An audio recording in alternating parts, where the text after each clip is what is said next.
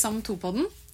For å greie å stoppe koronapandemien har Verdens helseorganisasjon sagt at 60% av verdens befolkning må vaksineres.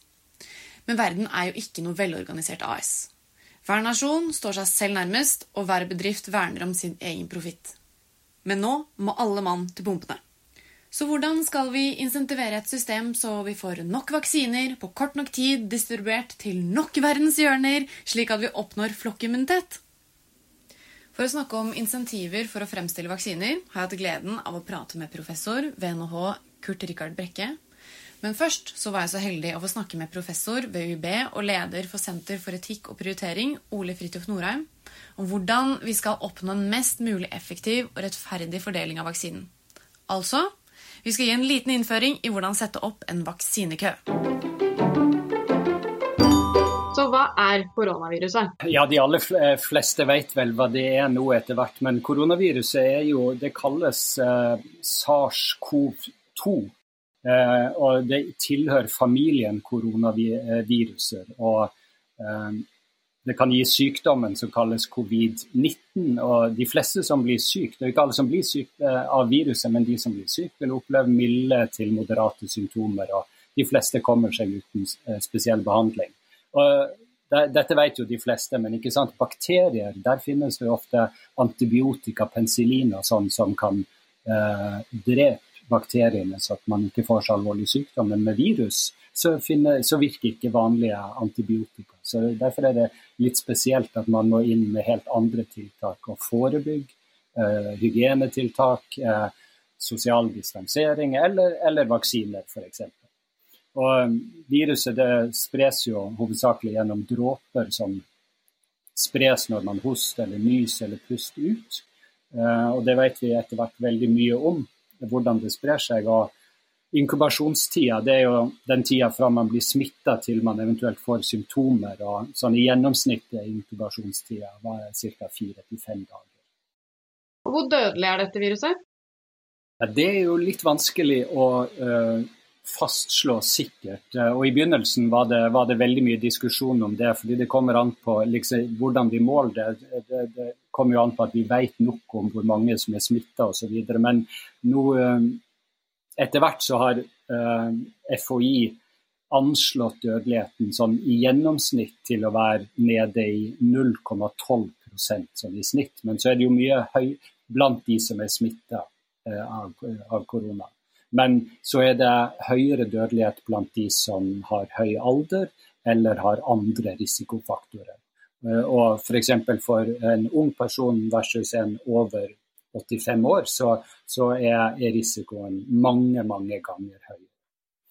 Eh, og det er mer dødelig enn f.eks. influensa, selv en hard influensasesong.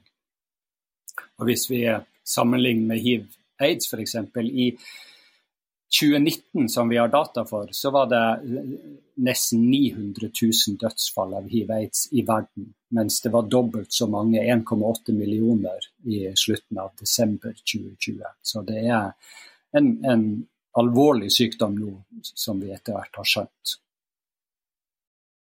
Så jeg tenkte å gå tilbake til å se på ok, hvordan skal vi prøve å utarbeide noen etiske retningslinjer for eh, denne balanseringen.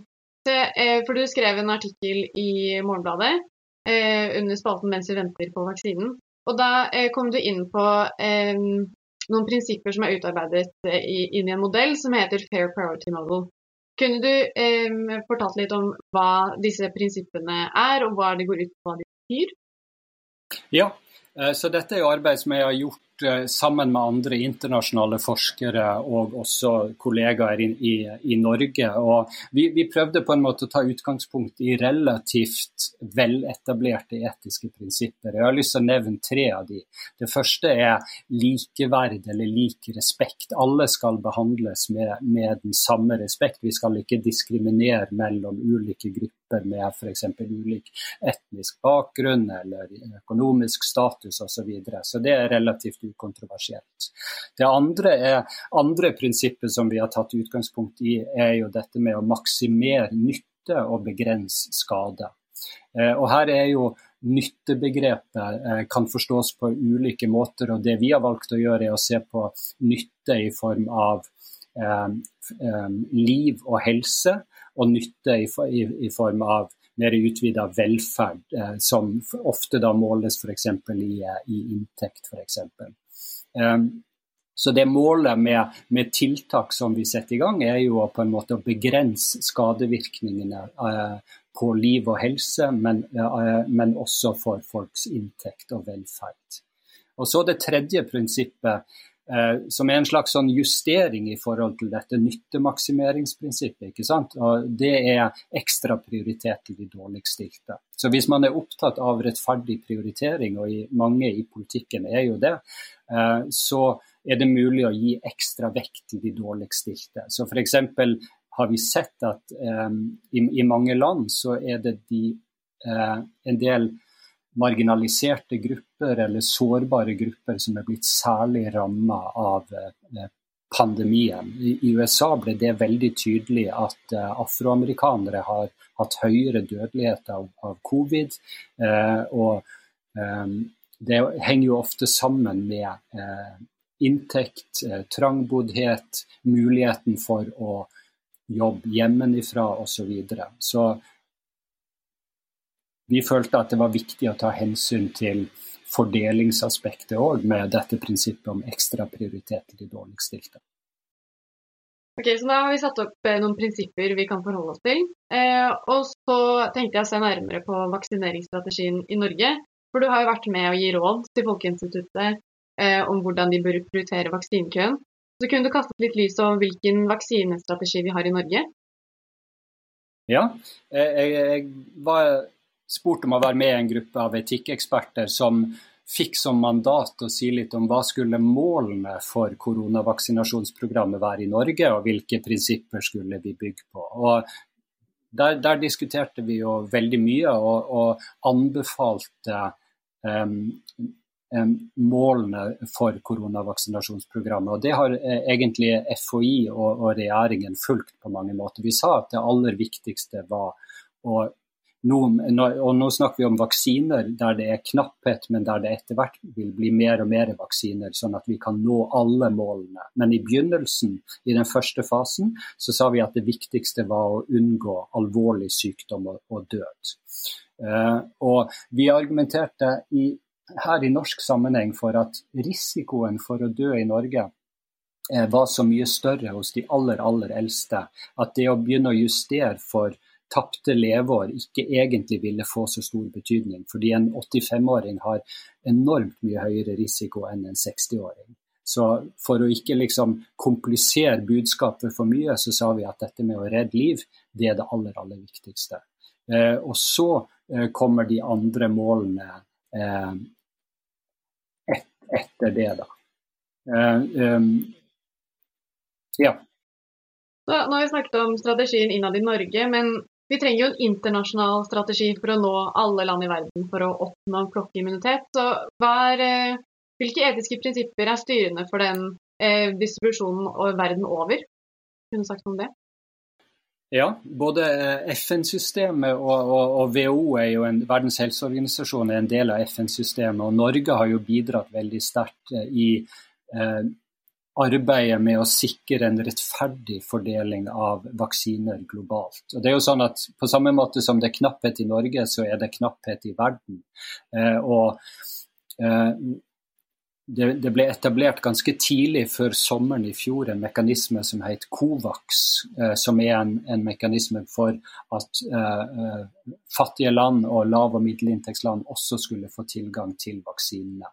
Eh, og de har jobba veldig hardt eh, for å få til kontrakter med, eh, med legemiddelindustrien, slik at de, disse landene også kunne bli sikra vaksiner.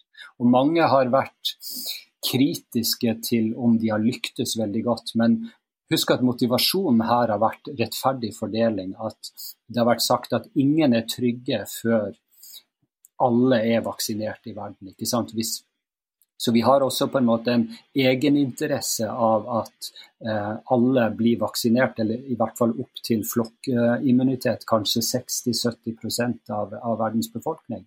Eh, og hvis ikke da hvis eh, eh, viruset sprer seg i land som ikke har fått tilgang til vaksine, vi får flere mutasjoner, så kan det komme tilbake til oss her i Norge. Så vi har egeninteresse av at vaksinene spres så effektivt som mulig. Så effektiv eh, bruk av vaksiner er kjempeviktig. Og så er det jo selvfølgelig global rettferdighet. At et, eh, et menneske eh, dør i Etiopia f.eks. er like ille som at et menneske dør i Norge. Så ut ifra en global rettferdighetstankegang så er det også viktig med den fordelingen. Eh, og jeg har vært opptatt av Etiopia, for vi driver forskning i Etiopia. Og jeg har akkurat fått eh, opplyst fra mine kollegaer der om at nå har de første vaksinedosene kommet til Addis Abeba. Og det er gjennom Covax-mekanismen. Og det er ikke like mange som er vaksinert i forhold til folketallet der som i Norge. Og slett ikke sammenlignet med USA og England. Men på mange måter er det en seier for Covax og for global rettferdighet at det bare har tatt noen få måneder i forhold til de første landene fikk de første vaksinene, til at de fattigste landene får vaksiner. For før covid så var det sånn at f.eks. vaksiner mot lungebetennelse det, det, det, har tatt mer enn ti år fra de eh, ble godkjent, disse vaksinene, til de har nådd ut til de fattigste landene. Så systemet er ikke perfekt, men det er mye bedre enn det har vært tidligere. Og Hvis man skulle argumentere for sånn nytteperspektiv, da, eh, kunne man sagt at hvis man hadde kontroll på alle vaksinene sentralt, eh, at det hadde vært eh, mer effektivt å gi den til fattige land først, hvis målet var å forhindre dødelighet, enn sånn som det er nå at det går til rike land først. Absolutt. Så uh, Bill Gates fikk modellert uh, akkurat den sammenligningen der, uh, og, og, fikk noen forskere til å modellere hvor mange liv ville bli redda hvis de rikeste landene fikk de første to milliarder dosene, versus det å, å, å fordele det til også de fattige landene. Og De beregna at hvis det ble fordelt likt til alle land, så ville det redd dobbelt så mange liv. Men det, det jeg og, og, og, mine kolleger har vært opptatt av, er at man, man, skal ikke fordele vaksinene likt. Man skal fordele det der det er størst behov. Og vi mener at da ville man redda enda flere liv. Så hvis man er virkelig opptatt av å maksimere nytte, så er det ikke sånn nødvendigvis at det er bare de som har best råd, som kan kjøpe vaksinene. Men når det er sagt, så er det jo et paradoks dette at det har vært veldig mye dødsfall og mer smitte blant de rike landene enn de fattige landene. Så, sånn sett så har jo eh, eh denne infeksjonen vært nokså paradoksal. Eh, sånn sett. Så det er, en, det er, en, spesiell pandemi, det vi har hatt. Så det å vurdere hva som er mest effektivt og hva, hva som er rettferdig, det er ganske komplekst. Per denne episoden spilles inn, er vaksineringen i full sving, der alle hjerter gleder seg til sitt første stikk både nasjonalt og internasjonalt. Men hvordan kom vi hit, med vaksiner pumpende innover landegrensene? Hvordan er insentivene rigget, slik at vi greide å få fremstilt opptil flere vaksiner på under et år? Jeg hørte med professor Kurt Rikard Brekke, som har spesialfelt om konkurransen innenfor legemiddelindustrien. Så, eh, første spørsmål er jo at eh, ifølge Verdens helseorganisasjon så må minst 60 av verdens befolkning være vaksinert for at vi skal opparbeide flokkimmunitet og overvinne pandemien. Det vil si at vi trenger å utvikle mange vaksiner, og det må nå mange mennesker eh, rundt om i verden. Så jeg tenkte at vi kunne starte med å se på hvilke markedskrefter som er satt i sving for at vi skal nå dette målet. Så hva er det som motiverer selskaper til å utvikle en vaksine? Det korte, enkle svaret er vel gulroten i andre enden. Altså premien de får når de, den som krysser mållinje først. Legemiddelselskapene de er jo kommersielle aktører. og Da det også, betyr det også at de er motiverte av den avkastningen de kan oppnå sant, på investeringene sine. Så når de investerer i en um, forskning og utvikling av en ny vaksine, så er på en måte belønningen den profitten de, de, oppnår etter at de har uh, utviklet utviklet denne vaksinen. Og Jo større denne profitten er, jo sterkere insentiv eh, tenker en at kommersielle aktører har når det gjelder utvikling av vaksiner. Da. Utvikler man vaksiner i et fritt marked, eller er det en andre mekanismer som er på spill? I legemiddelmarkedet så, så har en eh, patentordninger, altså en beskyttelse mot eh, konkurranse når en først eh, har, kommet frem med et nytt produkt. Så det er ofte har konkurranse om å utvikle et produkt. Men når produktet først er utviklet, sant, så er det jo en beskyttelse mot konkurranse. Og det er det som på en måte ja, lager denne gulroten eller premien eh, som legemiddelselskapene da konkurrerer om å få. Hvorfor er de avhengig av disse patentene? Det er jo et godt spørsmål. Det patentet gjør, er jo at det beskytter den som eh, har funnet opp dette, i dette tilfellet denne vaksinen, mot at vaksinen blir kopiert av andre. Så det en ser for seg, er at det er veldig store si, kostnader med å innovere. Og, vi, og, mens når produktet først er funnet opp, så er det veldig lett å kopiere. Så da kan du tenke deg at det står andre aktører og bare venter til at produktet er hva skal vi si, funnet opp og utviklet, og så kopierer de i etterkant og dermed ikke har disse kostnadene. Så hvis det er ingen premie i enden, eller beskyttelse, patentbeskyttelse i enden, så betyr det at i praksis at det kan være ingen gevinst for den som eh, altså, fant opp dette produktet. Og dermed har de heller ikke insentiver hvis de vet det på forhånd at andre kan bare kopiere produktet. Så den patentbeskyttelsen skal liksom sikre de en avkastning på investeringen. På den måten. Men er det ikke litt ineffektivt at man liksom må eh, finne opp kruttet tre ganger på nytt? Og Det å finne en vaksine mot korona eller covid-19, det er jo på en måte å finne opp kruttet. Sant? Det er et helt nytt eh, type virus. Eh, men det at du har flere som kjemper om dette, det er jo veldig effektivt. Fordi at det er stor usikkerhet med, med forskning og utvikling. Sant? Så det er ikke åpenbart at den første ideen, f.eks. den som Pfizer hadde, ville vise seg eh, å være den mest effektive. Sant? Nå ble jo den veldig effektiv, sant? men du hadde da flere som har ulike ideer på hvordan de kan eh, eller utvikle denne vaksinen. Eh, og den ideen som er best, får eh, mest salg og får kanskje høyest pris. Så dette er en veldig effektiv måte å gjøre det på. vil jeg si. Du bruker markedet og du bruker konkurranseinsentivene, og det er en belønning i andre enden. Så nå har vi snakket om eh, den, det systemet vi har nå, da, med at vi lager et vaksinekappløp eh, som er motivert med en sånn eh, regulerte monopoler. Men eh, har det vært diskutert noen andre typer løsninger, vi var litt innom det nå, eh, for å fremstille vaksiner enn regulerte monopoler? Ja, altså det som eh, de, Mange mener jo at en fordel med patentsystemet, sant, eh, regulerte monopoler, det er at eh, du sikrer det, det, som økonomer snakker om dynamisk effektivitet. Du gir rette insentiver til innovasjon og utvikling av nye legemidler. Men eh, det som er ulempen med denne ordningen, er jo at når legemidlet først er utviklet, så er jo denne, innebærer denne premien den innebærer jo at de kan ta høye priser. Og høye priser det gir eh, det som vi økonomer kaller eh, statisk ineffektivitet. Sant? Du får eh, for lite konsum, det blir dårlig tilgang til legemidler. De som ikke har høy nok betalingsvilje, de får ikke kjøpt disse legemidlene. Så det som en del har forsøkt å foreslå, da, en del økonomer, det er ulike ordninger som kan både beholde, altså sikre denne dynamiske effektiviteten, at du har rette insentiver til å innovere, uten at du skader den si, eh, statiske effektiviteten, som dreier seg om at prisene er for høye og konsumet er for lavt.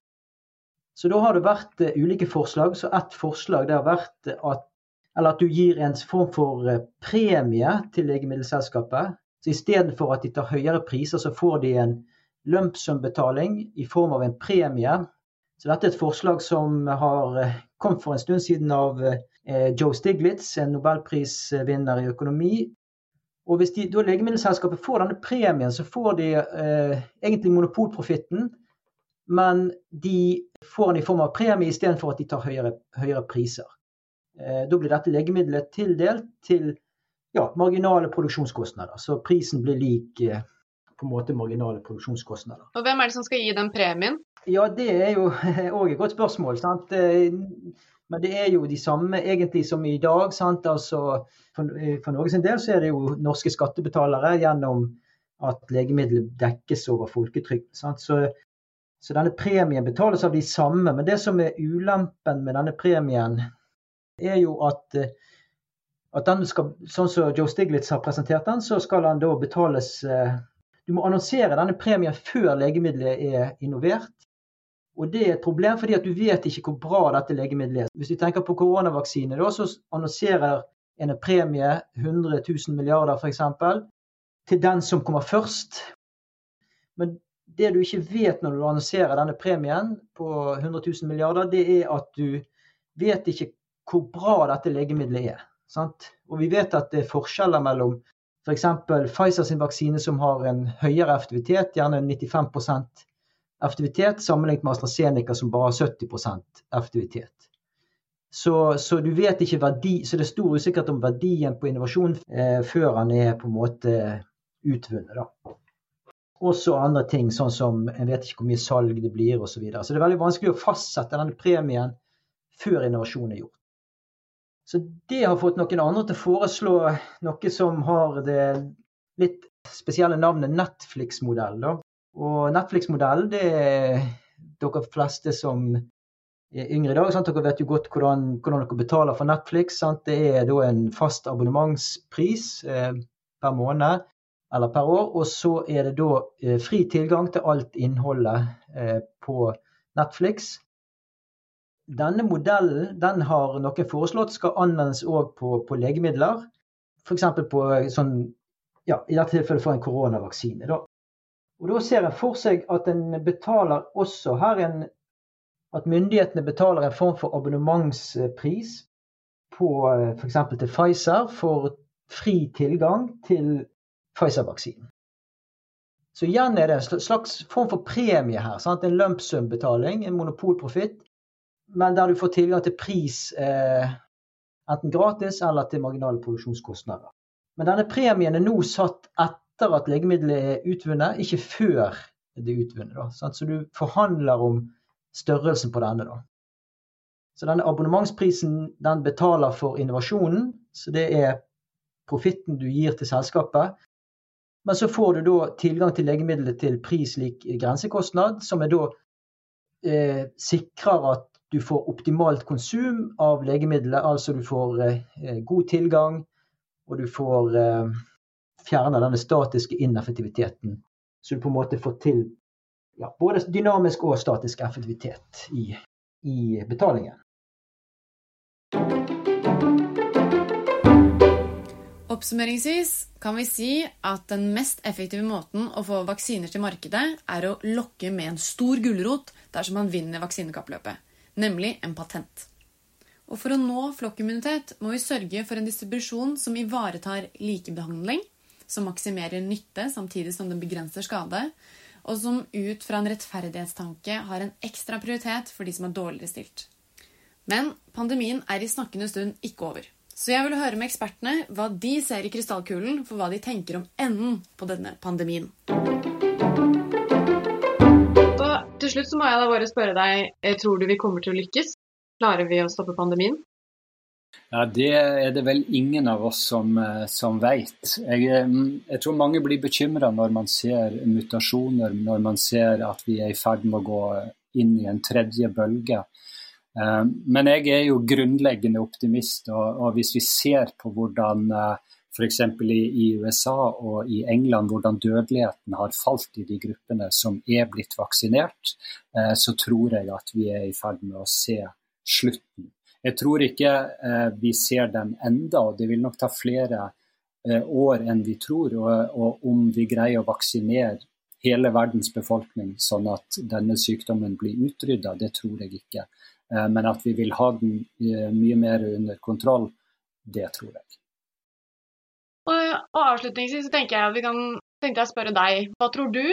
Klarer vi å vaksinere minst 60% av verdens befolkning? Det er jo ja, jeg syns det er mye å håpe på at liksom sånn vi skal få til disse store internasjonale samarbeidene og alle land altså, vi, Det er mange ting som skal klaffe da, for at dette her skal falle på plass.